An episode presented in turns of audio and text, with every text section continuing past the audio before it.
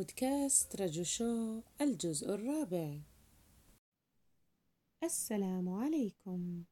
قناة رجو شو تحييكم وتتمنى لكم أوقاتا ممتعة وأنتم تستمعون لنا. رواية الظاهر.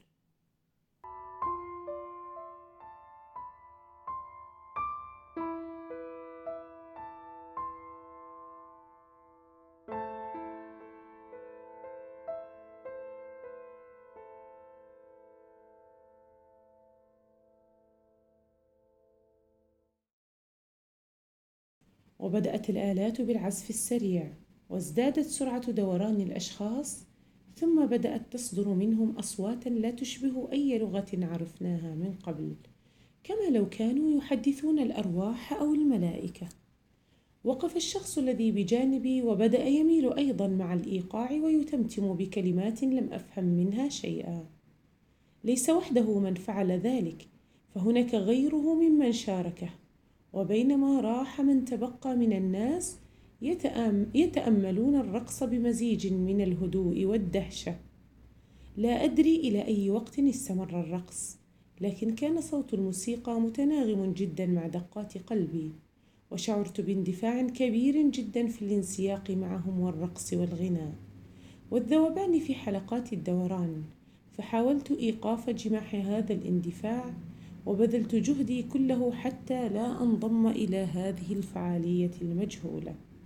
وكنت أرغب بتوقف ذلك سريعا وبدأت أركز على السبب الرئيسي الذي أتيت لأجله هنا وهو التحدث مع ميخائيل كي يخبرني بمكان إستر. لكني رأيت أنه من الصعب جدا أن يبقى في مكان واحد. نهضت عن الكرسي وفيما كنت أمشي بحذر وخجل توقفت الموسيقى فجأة. وبعد ذلك بدأ في هذه الحجرة التي لم يكن ينيرها سوى الشمع صوت تنفس الناس الذين قاموا بالمشاركة في الرقص. ثم هدأ الصوت واشتعلت الأضواء وبدأ كل شيء يرجع إلى حالته الطبيعية. وصب العصير في الكؤوس من جديد وأخذ الأطفال يركضون في كل مكان ويتبادلون الحديث بصوت مرتفع. وفورا راح الجميع يتحدث وكأن لا شيء حدث. بعد ذلك انتهى اللقاء وأخذت الناس تخرج. وعدت أنا أدراجي فلم أعد أريد اكتشاف مكان زوجتي فقد لفتتني محاضرات ميخائيل بقوة وحضرت الكثير منها وتغيرت بعدها بالفعل. بعد ذلك في يوم آخر طلبت من ميخائيل أن نجلس في مطعم بيتزا أفضله جدا لنتحدث. وبالفعل جاء وجلس بعد انتظاري له. قال ميخائيل بإمكاني في جلوسنا هذا أن أعطيك بعض الدروس. دروس في الحب والحياة والطاقة. ستجعلك مطمئنا بالفعل وفاهما لذاتك وماضيك. لكن كلينا يدرك سبب حضورنا هنا. نحن الآن هنا بسبب زوجتك. قلت أتقصد إستر؟ أريد منك أن تساعدني في خدمة. أوصلني إليها. فأنا أرغب في أن تحدق بي مباشرة. وتقول لي لماذا تركتني؟ وحينها فقط سأتحرر من الهوس وظاهر إستر. وإلا فإن فإني لن أتوقف عن التأمل بها في خيالي. وأقوم بسرد قصتنا وماضينا يوما بعد يوم. لأتذكر اللحظة التي أزعجتها فيها وبدأت تبتعد عني. ميخائيل أولا يجب أن أقول لك شيئا. هل قامت بتوديعك؟ قلت لا ميخائيل هل أخبرتك لماذا ستسافر؟ قلت لا لم تخبرني أي شيء هل أخبرتك أنت؟ ميخائيل هل تعتقد أن زوجتك إستر بحسب تفكيرها وعقلها قد تترك رجلا عاشرته لمدة سنوات عدة بلا أي مواجهة أو شرح للأسباب؟ قلت هذا هو بالفعل الذي أزعجني لكن إلى ما ترمي يا ميخائيل؟ ميخائيل هل تود حقا أن تعرف أين هي؟ قلت نعم بالطبع ميخائيل إنها تقوم بصنع السجاد وتعطي محاضرات تعليمية في اللغة الفرنسية انصدمت سجاد إستر إستر التي لديها الأموال والشهادة الجامعية في الإعلام والصحافة وتتحدث أربع لغات تعمل الآن مجبرة لتكسب مبلغا من المال في نسيج السجاد وتقديم المحاضرات باللغة الفرنسية. أمسكت أعصابي ثم أكمل ميخائيل. إنها لم تتركك أو تترك غيرك. لقد اختفت عن المقربين لمدة من الزمن. بسيطة أو إلى الأبد. ولا بد أن نقدر اختيارها. كنت أود الإيمان بأن ما قاله ميخائيل كان حقيقيا. وكان هوس وظاهر زوجتي يحيط بي وقتها. قلت هل تعرف أين هي؟ هل تعرف أين تكون الآن؟ ميخائيل أجل أعلم أين هي الآن وبالرغم من أنني أود رؤيتها مثلك تماما ولكنني مع هذا أحترم اختيارها وأنا أشعر أحيانا مثلك بالتوتر لهذا الأمر قد تكون زوجتك في انتظار أحد يجدها أو قد تكون التقت بإنسان آخر وأحبته أو قررت الانسحاب من الجميع كيفما كان الأمر إذا أردت أن تبحث عنها فلا أستطيع منعك. لكن إذا ما قررت ذلك فيلزمك ألا ترى جسدها وحسب بل روحها كذلك. أحسست برغبة في الضحك وهممت بأن أحتضنه أو أضربه. لم أعرف ما هو إحساسي وسألت هل أنت وإستر ميخائيل لقد رأيت في إستر الإنسانة التي كنت أتمناها والتي مدت يد العون لي. كانت إستر الملاك الذي وهبه الله لي ليساعدني في فتح الأقفال المسارات الدروب. وجعلتنا نرجع طاقة الحب إلى الناس عبر الدروس التي نقدمها. ولكي لا تقلق أنا عندي خطيبة وهي الفتاة الشقراء الإيطالية التي كانت تقف دوما بقربي على المسرح. واسمها لوكاريشا. قلت هل حقا ما تقوله؟ فأجبته بنعم وحين استفسرت عن نوع مواهبه السحرية قال إنها مجرد تنبؤات أحيانا تصيب. وبعد مدة طويلة من متابعتي لاجتماعات ميخائيل التي كانت عن الطاقة الإلهية والمحبة والإيثار شعرت بالسعادة حقا لأني التقيت بميخائيل. ميخائيل الذي يملك قدرات غريبة بلا شك. فقد ذهبت إلى المطعم لأجد إستر ولكنني اكتشفت أنني غدوت شخصا مضيئا ومهما بالفعل.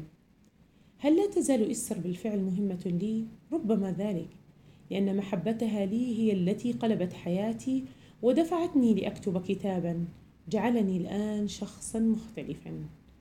فهمت من إدماني على دروس ميخائيل أن على الشخص أن يلقي الأثقال التي في حياته والتي ليست بالمهمة ويترك طاقة المحبة تدخل إليه وكذلك تخرج إلى العالم. وذات يوم تذكرت أنه أخبرني بإرسال مغلف إلى منزلي وفيه مكان زوجتي إستر. قلت لنفسي ذلك اليوم سوف أفتحه وأسير في الطريق الذي يقودنا إليها. لا لأنني أريدها أن تكون معي بل لأنها حرة في أن تبقى حيث هي حتى هوس إستر كان قد بدأ يخف حتى تلاشى تماما بسبب حضوري الدائم لدروس ميخائيل والغناء والرقص والسلام والتحرر من ثقل المادة والفخر والتصالح مع الذات وحب الروح والحياة والتقليل من الحزن والمرار.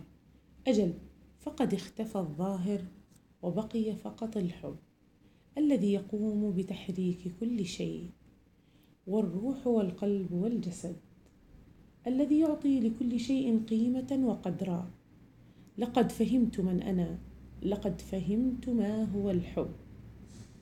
وبعد أن عدت إلى المنزل قمت أخيرا بفتح الظرف من أجل أن أعرف مكان زوجتي وعرفته بالتفصيل فعزمت على الذهاب إليها.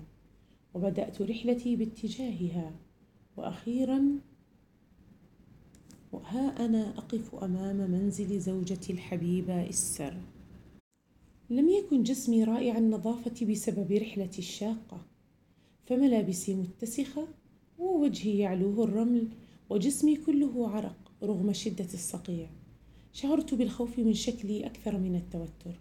وفيما بدأت أسير المئة متر المتبقية كان علي أن أفكر عن ماذا سنتحدث حين نلتقي أخيرا. حاولت التفكير طويلا بذلك ووجدت عبارات مثل لو تعلمين كم انتظرت هذه اللحظة يا إستر؟ أو هذا حقيقي أنا مخطئ معك. أو قطعت هذه المسافة لأقول لك كم أحبك. أو حتى أنت أكثر جمالا من كل الأيام التي مضت لكن بالنهاية قررت أن أقول مرحبا ليس إلا. كما لو كانت لم تتركني عامين وتسعة أشهر وأحد عشر يوما وكذلك إحدى عشر دقيقة من الساعة. أردت إخبارها كم تغيرت حين سلكت الطرقات والأماكن التي تعلمت فيها. أماكن لم أكن أعلم أي شيء عنها ولم أشعر بأي اهتمام حولها. كنت سأخبرها أنني فهمت قيمة حياتي من محاضرات ميخائيل لم أحب زوجتي كما يجب. لقد صنعت قصة عشق كالتي كنت أشاهدها على التلفاز أو أقرأ مثلها في القصص والحكايات أو أشاهدها في المسلسلات والبرامج. لكن الموضوع بدأ في التحول. إلى أمر أكثر تعقيدا بل أكثر مما كنت أعتقد. لأنني بدأت أتوق للحرية مرة أخرى ثم قلت لذاتي لم أعد أريد إستر وتوقفت عن حبها. وإذا تكرر الحب بيننا ورجع الحال على ما كان عليه من قبل كنت أخبر نفسي ربما لكنني مللت بالفعل. لقد بذلت إستر جهدا لتجعلني أرى لكنني لم أفعل. كان لابد من خسارتها حتى أعرف مذاق الأشياء التي نستعيدها. كان قلبي فارغا كالصحراء. الآن فقط عرفت السبب الذي جعل إستر تأتي إلى الصحراء لأن كل ما هو هنا فارغ أيضا. ومع ذلك فقد كان هناك القليل من الرياح في هذه الصحراء مثل فؤادي بالضبط فؤادي الذي هبت عليه ريح تحمل المشاعر والأفكار الجديدة. أجل حملت معها مشاعر لم أدركها من قبل. أشخاص وفوضى لم أكن أصغي إليها من قبل. فاسترجعت طاقتي بعد إطلاقي لذاتي من مجدي الشخصي. وأدركت أن إمكانياتي أكثر مما أعتقد. وفي أحد الأيام وبسبب إستر حققت حلمي وأصبحت كاتبا. وبعد سنوات عدة جعلتني إستر ذاتها أسير ثانية. وهذه المرة من أجل اكتشاف ذاتي التي فقدتها خلال طريقي في حياتي.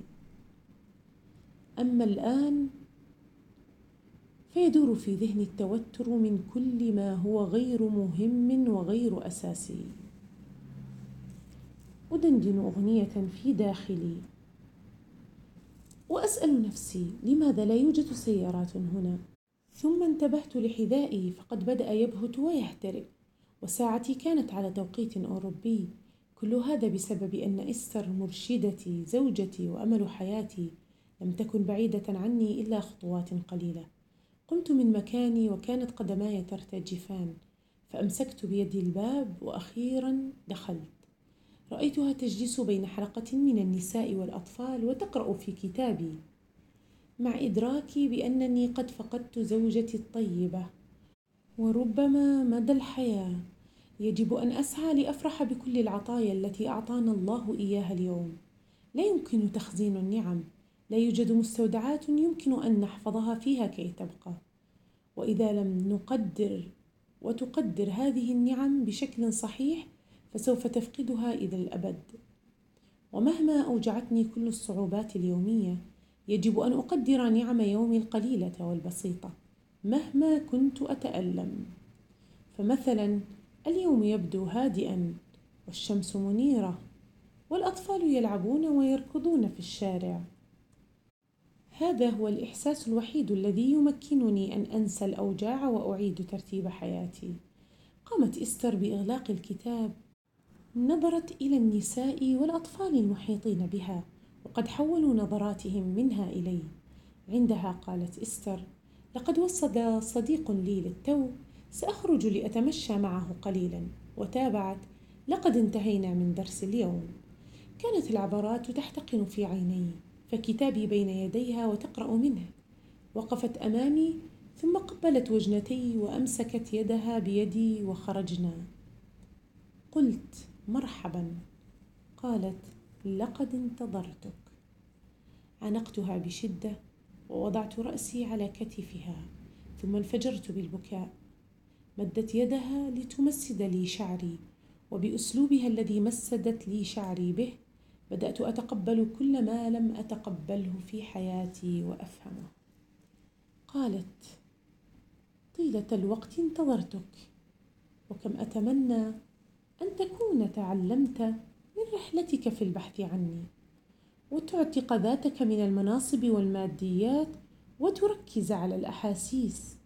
فلقد درست وتعلمت من ميخائيل أن اللحظة التي نعيشها هي بمثابة فضاء شاسع كالصحراء وهذا الفضاء ينتظر أن يمتلئ بمزيد من المحبة والسلام والامتنان وكذلك بمزيد من السعادة في الحياة.